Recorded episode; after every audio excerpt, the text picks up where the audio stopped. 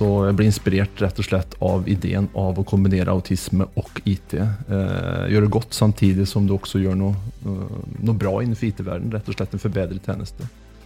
Så jeg rett og slett forelska meg i den affærsideen eh, og tenkte at eh, det her må jeg prøve å få til i Norge. Er vi som ledere og mennesker flinke nok til å se muligheter fremfor begrensninger? For ti år siden lot Lars Johansson Kjellerød seg inspirere av et dansk IT-selskap som ansatte mennesker med autisme. Lars så mulighetene i autisters evner og positive særtrekk. Unicus ble etablert, og Telenor ble den første kunden. I dag leverer selskapet gode økonomiske og sosiale resultater og har internasjonale vekstambisjoner. I denne episoden av Impact-podden deler Lars sine erfaringer med å se muligheten i alle mennesker, og om å skape et trygt og trivelig arbeidsmiljø som gir rom for at ulike ansatte kan prestere. Du lytter på Impact-podden, en podkast om gründere, sosialt entreprenørskap og samfunnsinnovasjon. Podkasten er laget av Ferd sosiale entreprenører, og jeg er Katinka Greve Leiner.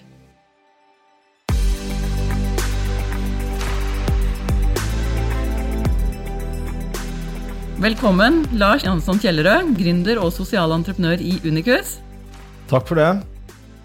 Jeg har lyst til å starte med å bli litt bedre kjent med selskapet ditt. Hva er det Unicus egentlig driver med? Unicus er et IT-bolag, egentlig. Eh, ansetter personer, som du nevnte, med, som har autisme. Mildeste former for autisme, nærmere bestemt Aspergers syndrom.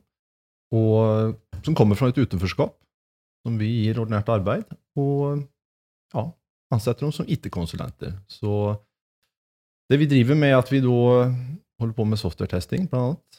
Vi holder på med kvalitetssikring av data, som også er et tema som er, vokser i dagens samfunn. Eh, og i tillegg så holder vi på med data science. Eh, så egentlig en miks av forskjellige IT-tjenester eh, med fokus på med utvikling, test av datasystemer. Og i dag har du kanskje lært deg mer om dette området enn du kunne da du startet? Ja, det, det er riktig. Som tur er, etter ti år så, så, har jeg fått med meg noen lærdom underveis. Og som du nevnte, så var det her noe jeg ikke kjente noe til. Eh, litt naivt, kan tenkes. Det var bra var vel det? Men eh, så autisme og IT for meg var nytt, og IT var nytt. Jeg kommer fra finans, så Eh, det har vært en bratt læringskurve, i hvert fall de første årene. Men det har gått an, i hvert fall. Og det er bra. Men hvordan kom du da på den ideen? Ja, det var vel et par år innan, det var jo ti år siden jeg startet Unicus, og to år innen det så hørte jeg om et dansk firma egentlig for første gang. Eh, så jeg ble inspirert rett og slett av ideen av å kombinere autisme og IT. Gjøre godt samtidig som du også gjør noe, noe bra innenfor IT-verdenen. Rett og slett en forbedret tjeneste.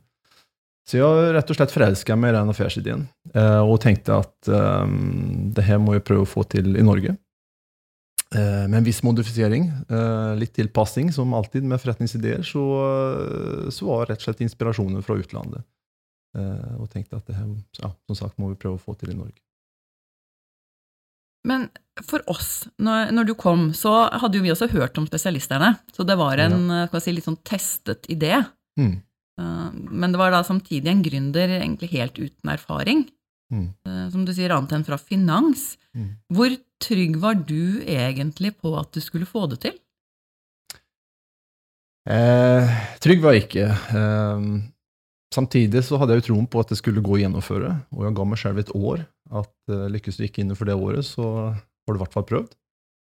Eh, samtidig så var jeg nå trygg på relasjonen kunde, salg, eh, det forretningsmessige av det hele var jeg relativt trygg på. I alle fall hadde jeg troen på at vi kunne få til.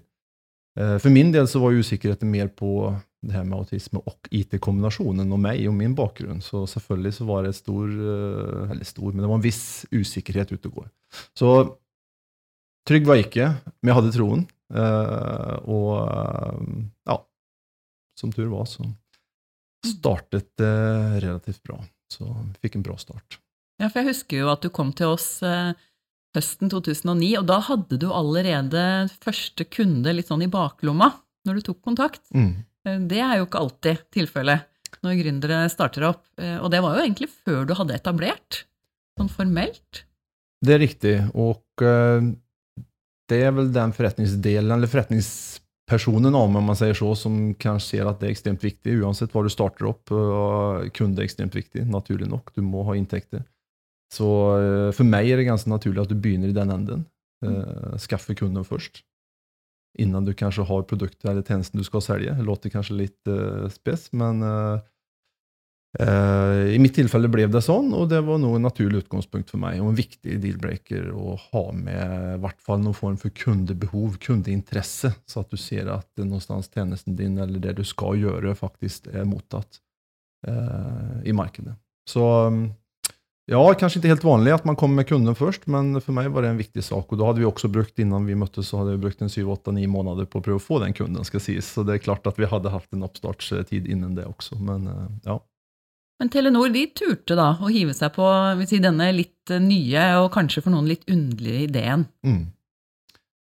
Ja, og det er respekt til Telenor og andre si, lignende kunder som tør å gå foran og vise litt mod, vil jeg påstå.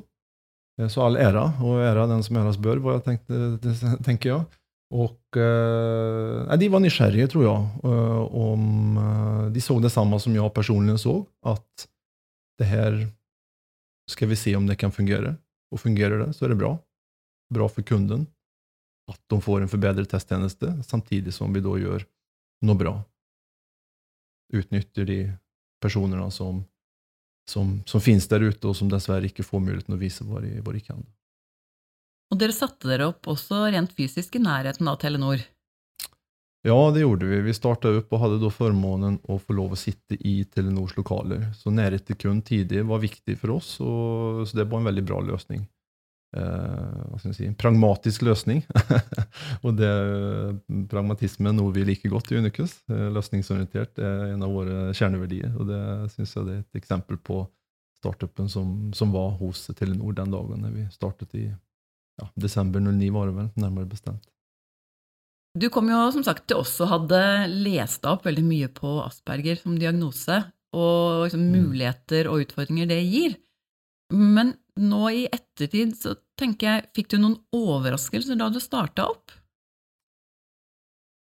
Noen overraskelser fikk jeg nok. Eh, samtidig så hadde jeg ikke så Jeg prøvde å ha et åpent sinn.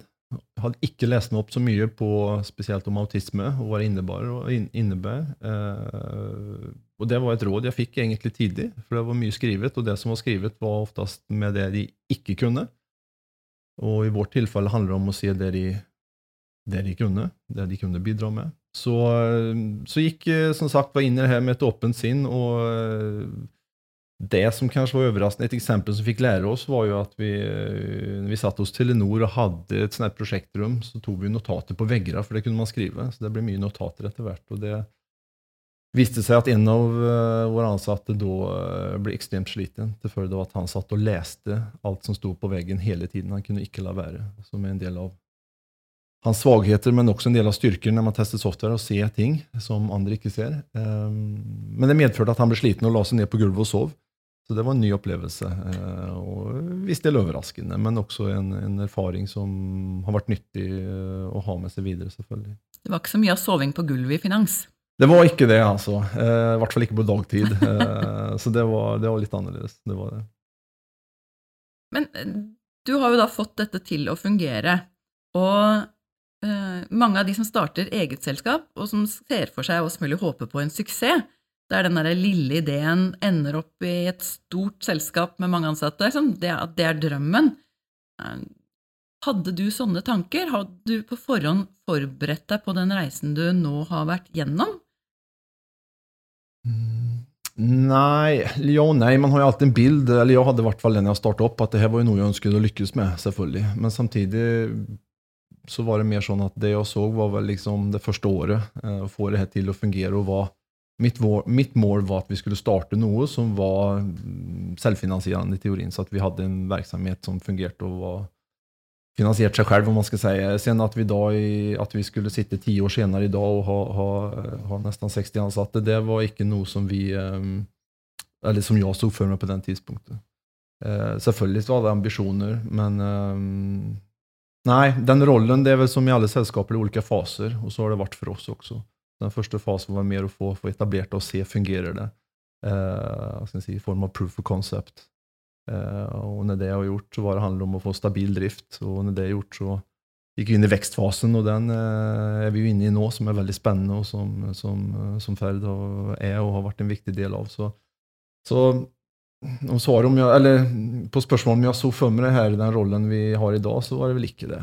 Jeg tror ikke jeg så så langt fram. Det var mer å overleve første året som var bildet når jeg startet opp. Mm.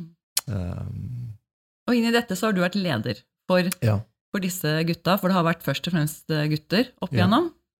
Riktig. Um, kan du si oss litt om den reisen, fra liksom, det å starte med noen få ansatte, eh, og så nå ha mange, eh, med da spesielle behov, ville man si. Eh, hva, hva trigger det på en måte deg, hvis jeg også sier at du nå leder et selskap hvor det er ansatt mennesker med spesielle behov? Mm. Det som jo det er fortsatt like morsomt, skal sies. Eh, samtidig så har det jo endret seg litt. I samband med vekst så, så kom jo det her problematikken om nærhet til dine ansatte. Eh, I begynnelsen var det veldig, da var jeg og våre fire første ansatte. så da jeg visste jo alt om de her fyra, som jeg tror har vært en viktig faktor til at vi lykkes også med å lede denne typen av personer. Eh, så stor utfordring, tror jeg, i min rolle, som også delvis er, spennende, er jo at du skal prøve å bevare hva skal jeg si, ledelsesfilosofien om å, å, å kjenne de ansatte på en god måte, helst så mye som mulig, for at vi skal kunne få ting til å fungere. Eh, og leder du et selskap som har 60 ansatte og eventuelt 100 i framtiden, så sier det seg selv at du kan ikke personlig kjenne 100 ansatte. Eh, hva de gjør daglig, hva de gjør på helgen osv. Eh, så det er klart, om vi snakker litt sånn utfordring ledelsesmessig, så handler det om å overføre den ledelsesfilosofien, eller den måten som i hvert fall jeg ledet mine ansatte på, eller fortsatt leder, skal sies, men i, i starten, eh, til eh, andre i ledelse, management, som til daglig leder våre ansatte. Vi er jo da etablert både i Oslo, Stavanger, Stockholm og nå er på vei i gang i Finland. Så, så det er vel en ledelsesspørsmål med visst kulturelt innslag, å bevare unikuskulturen og ledelsesfilosofien vår. Så litt utsvevende svar, kanskje, men det, det, henger litt sammen i at rollen har endret seg på den måten, samtidig som det også ligger en del utfordringer der. Men de ansatte hos deg som da har asperger, hvordan slår det ut sånn for de der ute som skulle høre på din fortelling om Unicus, og, og hva dette har krevd av deg som leder? Hva slags utfordringer er det dere da har som andre ikke har? Eh, jeg tror at våre utfordringer ligner noe mye på de utfordringene som kommer i hva skal si, vanlig ansettelse som andre ledere har. Jeg tror det er ganske lik situasjon. Visse avvik er det. Visse dimensjoner vi må tenke på, som andre ikke må tenke på. Eh, når det er sagt, så så tror jeg at en ikke skal komplisere for mye. Eh, utan det handler om mennesker. Eh, jeg tror det handler om å se mennesker. Eh, og i det tilfellet så, så tror jeg at vi kanskje må strekke oss litt lengre til å forstå hvordan våre ansatte har det, for at vi skal kunne hjelpe hvis det er noe som ikke er så bra. At vi skal kunne tilrettelegge, og tilrettelegge ikke bra ord egentlig, men at vi skal kunne ja, gjøre så at de har en bra hverdag, en arbeidshverdag. Og hvordan kommer de seg på jobb? Eh, hva tenker de på? Er det andre ting som, som, som er utfordrende i deres hverdag? Små ting som jeg tror kanskje man ellers ikke må tenke på. Eh, samtidig er det ting som man kan fikse på, og derigjennom så, så får de det ganske bra også. Og men flere av dine ansatte har jo hatt andre jobber før, eller ikke klart å være i arbeidsmarkedet. Mm. mm. Hva forteller de deg om hvorfor det ikke har fungert andre steder? Um, er det noen mange, mange, svar på det. Uh, hvorfor det ikke har fungert. For det her er individer. Uh, alle har sin historie, oftest. Men uh, det man ser, er vel at de her sosiale kravene som er i dagens samfunn, og eh, den sosiale kommunikasjonen eller interaksjonen med andre mennesker, er jo det som er, kan være utfordrende for personer med autisme og Asperger. Og med sosial kommunikasjon og eh, deltagelse så kommer det krav. og Det gjør at man da blir stresset i ulike situasjoner. Eh, situasjoner som andre personer kanskje ikke blir stresset av. Og eh, I en gruppedynamikk så, eh, og på arbeidsplasser så er det lett at man gjør så som majoriteten vil at det skal være, eller så fungerer det her. Eh, og om du er da en person som ikke får det til å fungere riktig, så, så kan det gjøre at det blir eh, ekstremt belastende i mange tilfeller. Og i, i sluttenden, så om du da har vært så heldig og kommer inn i arbeidsmarkedet, så kanskje du faller ut av en eller annen grunn. At du havner i en personlig livskrise, eller at det blir for mye av en eller annen grunn. Men overbelastning, rett og slett. Så, eh, så prøve hva skal man si, skape et miljø eller en bedrift og en ledelsesfilosofi der da de her personene tør å komme til deg med ting som de da eventuelt um, syns kan være utfordrende for dem. For det er individuelle utfordringer iblant. Uh, og det meste går å løse på en ganske enkel måte. Så, så, så jeg tror uh, det de kanskje har slitt med på andre steder, er noe som de oftest kanskje ikke sliter med når de kommer til oss. Eh, og gjør de det, så løser vi på en eller annen måte. Og så, så oftest eh, eh, har de det oftest litt bedre. For det er små ting som skal, skal endres på. Oftest. Det jeg hører at du sier, det er at den unikuskulturen du var inne på i sted, det dreier seg om også det å gi dem trygghet og skape åpenhet, sånn at de tør å komme frem med det de eventuelt har av problemer på arbeidsplassen? Ja, jeg tror det er en viktig, viktig sak som vi har valgt å fokusere på, er å Eh, ge dem en plattform eller en trygghet någonstans och bygge, för det är oftast eh, det här med mestringsfølelse som gjelder alle mennesker, eh, gjelder også våre ansatte, for de er mennesker, og som alle mennesker så må de føle at de, at de mestrer ting. Og vi har vel oftest de som kommer til oss, kommer for vi har to forskjellige bakgrunner. egentlig. Enten kommer de fra, direkte fra skole, eller har vært i skole og ikke klart å fullføre, og dermed ikke kommer seg inn i arbeidslivet. Eh, og derigjennom ikke noen erfaring av arbeidet, og derigjennom ikke klart å bygge noen mestringsfølelse. Eller så er det den andre grupperingen som du var inne på her, som, eh, som da har vært i arbeid, kanskje, men som har mista arbeidet av en eller annen grunn og havner i en form for livskrise og da har vanskeligheter å komme seg inn. Men fellesnevneren er jo at de slett, eh, eller har egentlig noe mislykkende bak seg i en eller annen form, i hvert fall føler de det så. Så det er klart at Føler du at du ikke har lykkes med ting, og ikke har fått følelse på at så her skal det være, og det går bra, så må du bygge deg selv opp igjen. Så det er vi nå en viktig del, at vi gir dem tid til å få hva skal vi si, få tilbake mestringsfølelsen, troen på seg selv.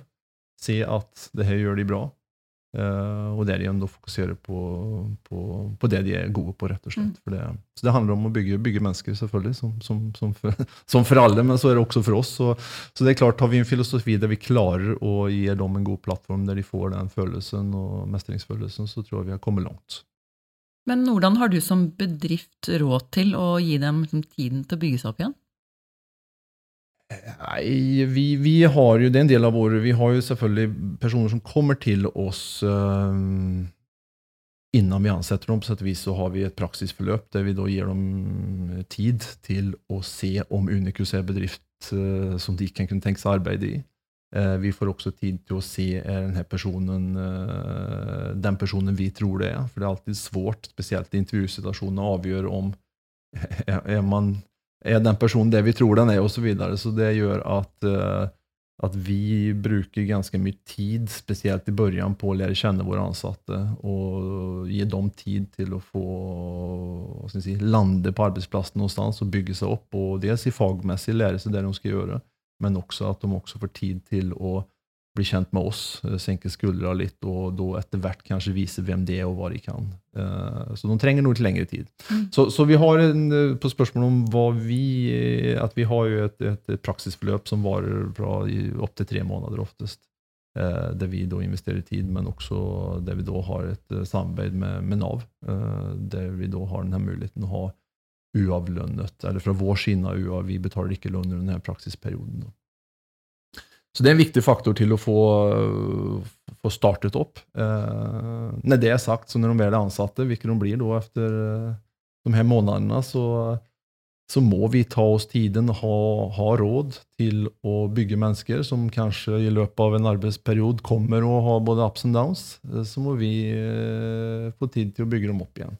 For det handler jo om det er vårt realkapital någonstans. Vi driver jo med en IT-konsultverksamhet, så om ikke våre ansatte har det bra, så, så, så har ikke vi noe business å, å drive heller. Så det, det, ligger, det, er en del av forretningsmodellen vår. Vi må ta mm. tid. Men eh, du rekrutterer da via Nav, eller rekrutterer du også utenom Nav? Nei, vi rekrutterer Vi, vi sier jo at vi rekrutterer fra et utenforskap. Og eh, som oftest kommer de fra Antingen så kommer Nav og kontakter oss direkte og sier at vi har en person som står utenfor arbeidsmarkedet som har autisme Asperger, som ønsker seg arbeid i Unicus. Eller så kommer det fra forskjellige attføringsbedrifter som kommer med sine kandidater til oss. Eh, eller tredje alternativet er oftest at pårørende eller personer med autisme Asperger kontakter oss direkte. I og med at vi har den profilen vi har, så får vi en del henvendelser. Så det er vel de tre si, grupperingene som, som, kommer til oss med, med, personer som ønsker seg arbeid. Mm. Så, mm, og majoriteten numera kommer nå fra direkte henvendelser fra personer med autisme og Asperger, som kanskje ikke var realiteten i begynnelsen, når vi starta for ti år siden. Ja, for ti år er jo lenge. Eh, jeg husker da du kom med ideen til oss, så hadde jo ikke vi møtt på dette annet enn vi hadde hørt om spesialisterne. Og dette med asperger det var det veldig få som snakket om som generelt inn i samfunnsdebatten. Og nå, ti år senere, så har vi jo Greta Thunberg, vi har liksom plutselig noen litt sånn helter der ute som også eh, har asperger. Så jeg tenker at det har kanskje normalisert seg litt, og kanskje har dere vært med på det i løpet av disse ti årene. Men den gang så husker jeg veldig godt at da jeg skulle møte de fire første gutta eh, til en workshop helt i starten der, mm. så kjente jeg jo godt på min egen sånn spenning i forhold til å møte Ok, hva vil det si at de har asperger? Hva er det jeg kommer til å møte nå? Mm. Um, hva med den holdningen og kanskje litt sånn spenningen, frykten, i forhold til kundene deres? Møter du det der ute? Eh, ja, det gjør vi til viss del. Eh, men det har blitt mindre.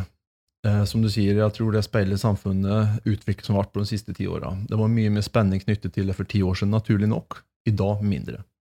Men det er fortsatt en usikkerhet. En, eh, og den tror jeg bunner seg litt i uerfarenhet. Man har rett og slett ikke erfart og arbeidet med personer med autisme eller Asperger. Eller man har i hvert fall ikke visst om at man har gjort det.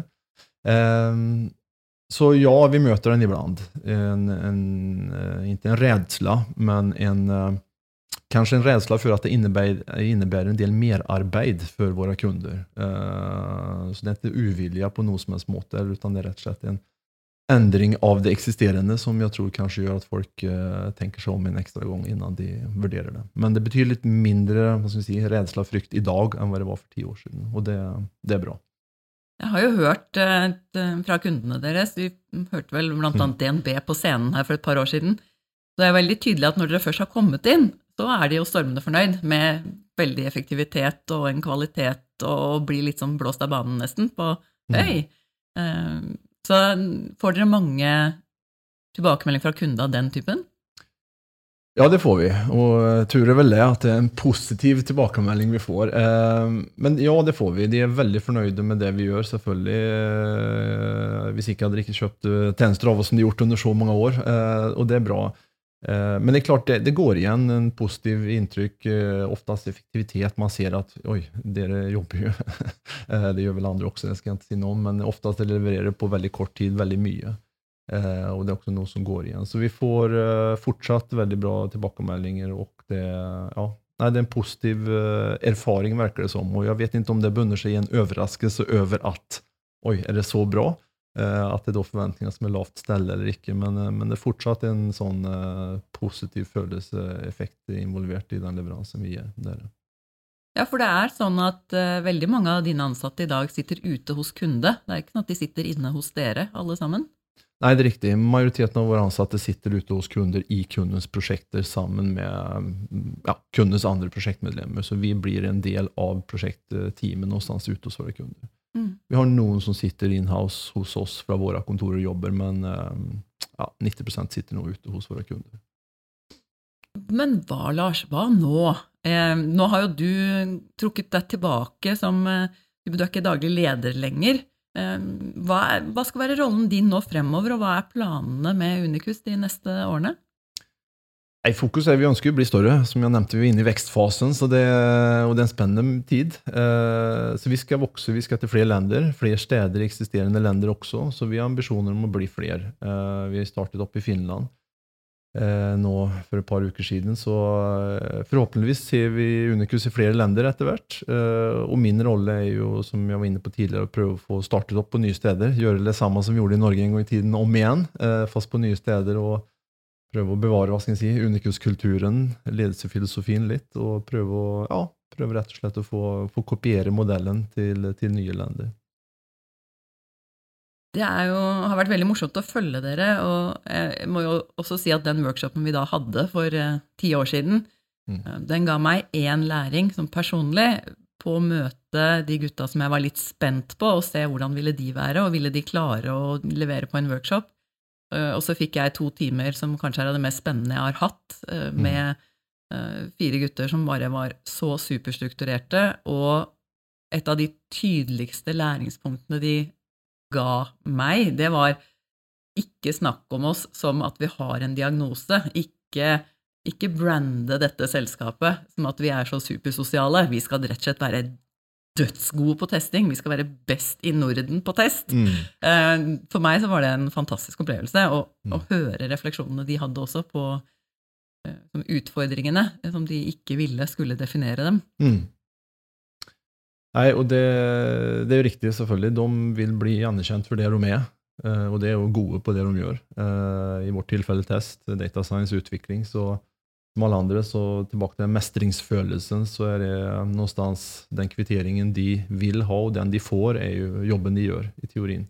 Og den bunner seg ikke i eh, den bunner seg i at de uh, har en viss uh, kobling til at de har autisme og de egenskapene som kommer med autismen, men det er ikke før at de uh, har diagnosen som de har jobbet, utan de har det for det egenskapet, den kompetansen de besitter. og Det tror jeg er viktig for dem, naturlig nok, og det er viktig for våre kunder og viktig for oss som, som selskap. Så, så, fokus på tjenesteleveransen det er det vi gjør hver dag, og det tror jeg de ansatte er veldig glade for. Hvis ikke hadde det fort blitt litt feil fokus på, på det vi gjør, og derigjennom ikke den opplevde ja, leveransen som våre, våre, ansatte vil at vi skal oppleve. Og du har jo bygd opp et eh, si, virkelig godt kommersielt selskap. Mm. Dere går med solide overskudd og har muligheten til da å gå utover Norges grenser og etablere dere flere steder. Hva tenker du, hva er grunnen til at du har fått det til? Hvorfor havnet du inn i dette? Um, jeg tror hvorfor vi har lykkes, eh, tror jeg det, det bunner nå en del at vi har nå vært tro til vår modell någonstans. Uh, renodlat. Vi har inte liksom, For det er klart, det dyker alltid opp masse muligheter underveis. Eh, spennende ting som man skal ta tak i. Men vi har blitt ved vår lest, og test som var det vi begynte med, gjør vi fortsatt i dag. Og vi var vel ganske hårde på at det skal vi gjøre, for at det ser vi at det er det vi har vårt komparative fortrinn. Og at vi skal ha våre inntekter basert på den tjenesten vi leverer. Ikke på andre, alle andre tilleggstjenester som kommer opp underveis. Så jeg tror det at vi har vært tro til vår modell om at autisme gir oss noen komparative fortrinn som skaper noen tjenester som vi gjør bedre enn andre, eh, og det skal markedet betale for, har gjort at vi har lykkes. Eh, ikke vært enkelt. Eh, skulle noen tenke at man lett kunne ha sklidd inn og levert tjenester til masse offentlige etater og lignende og få betalt for det, men det tror jeg hadde vært en, en liten feilvurdering. Så, så, jeg tror Nei, vi har, vært, vi, har, vi har, vært, fokusert på at vi er et IT-selskap som leverer eh, bra tjenester, og det skal vi ta betalt for. Så, mm. så jeg tror det er en av grunnene til at vi har, har uh, ja, klart å holde oss til viss del lønnsomme og, og, fortsatt eksisterer i dag, ti år senere. Mm. Men dine personlige egenskaper da, Lars? Det at du har eh, sånn sett klart å se disse ansatte og bygge en kultur som, som faktisk inkluderer og, og, og leverer, ja. Hva er det med Lars? ja, bra spørsmål. Uh, nei, jeg vet ikke. Kanskje rett og slett den her naiviteten om at alt er mulig. Uh, jeg tenker, Har vi noe som personlig løsningsorientert, en løsningsorientert holdning uh, til at alt er mulig? Og det handler vel om å få ting til, og handler om å se eh, mennesker. Jeg tror det er der det begynner, i, for min del i hvert fall, og hvorfor jeg har lykkes kanskje kommunisere godt eller få fram det, det som er bra hos mange av de som kanskje ikke har klart å vise seg fram på andre steder. Og, og se at eh, alle har noe de er bra på. Det handler mer om å få, få fram det og gi dem sjanse til å vise det. Med ti år som gründer i baklomma, Lars, hvis du skulle hatt en helt fersk gründer foran deg nå, hvilke tre råd ville du gitt til han eller henne eh, om det å starte opp med mennesker med spesielle behov da, inn i selskapet sitt? Mm. Tre råd. Um, jeg tror ett uh, Prøv å bruke tid og bli kjent med individet som du skal lede. Um, for det er først da som du kan skjønne at forskjellige mennesker har forskjellige utfordringer, og det er gjennom forskjellige løsninger som, som må til. Um, så jeg tror det er viktig. Og det gjelder alltid, selvfølgelig. Um, två, um, bygge mestringsfølelse hos de mennesker du skal lede. Henger litt sammen med det første, uh, men det tror jeg også er viktig. Først da kan folk få lov å kjenne trygghet i å prestere. Um, så ja, vær litt nysgjerrig og, og bygg mestringsfølelse. Råd nummer tre. Um, var tydelig i kommunikasjonen tror jeg er viktig. Um, spør gjerne en gang for mye enn en gang for lite. Kan bli litt micromanagement, det, men det er oftest uh, mer positivt enn negativt, i hvert fall i begynnelsen. Uh, for oftest iblant når vi kommuniserer, så gjør man antakelser, og uh, det er ikke sikkert at de antakelser du gjør, Eh, som normalt ellers gjør, også er riktige antagelser for den personen du, du snakker med. Um, for oftest har man Personer er forskjellige og har forskjellig oppfatning av saker og ting, hva som er riktig, og det gjør at uh, hva er interessant og hva er ikke interessant. Den, uh, min erfaring er vel at uh, personer som står utenfor samfunnet, kanskje har litt en annen syn på ting, som oftest faktisk beriker, som er positivt. Så ja, spør heller en gang for mye enn en gang for lite. Og vær tydelig i kommunikasjonen. Det er vel uh, råd tre. Og råd fire er gjør det. ja, Så du har ikke blitt skremt i løpet av disse tiårene, du? Har ikke det. Tvert om. Eh, tvert om. Det har berika meg ekstremt, og det er fortsatt like morsomt i dag som det var når jeg starta det. For det var jo det som gjorde at jeg starta en gang i tiden, den person, hva skal si, personen eller motivasjonen som kom med beslutningen om å starte. Så så jeg er glad for at jeg gjør det jeg gjør i dag. Absolutt. Det er morsomt. Du har jo på et vis vist at du er rett person på rett plass. Eh, og jeg hører jo i alle rådene dine at eh, dette med nysgjerrighet på mennesker, mm. det er en litt rød tråd i, eh, i, det du har klart å få til, tenker jeg. Mm. Så, men det har vært veldig morsomt å prate med deg, Lars. Det er det alltid. Ja, hyggelig jeg vet jo at du har mye å gi til mange av erfaringene på, i løpet av de ti årene. Mm. Så Tusen, tusen takk for at du stilte opp her i dag. Ja, takk for at jeg fikk komme. Interessant tema, så gleder jeg meg. Du lytter på Impactpodden, en podkast om gründere, sosialt entreprenørskap og samfunnsinnovasjon.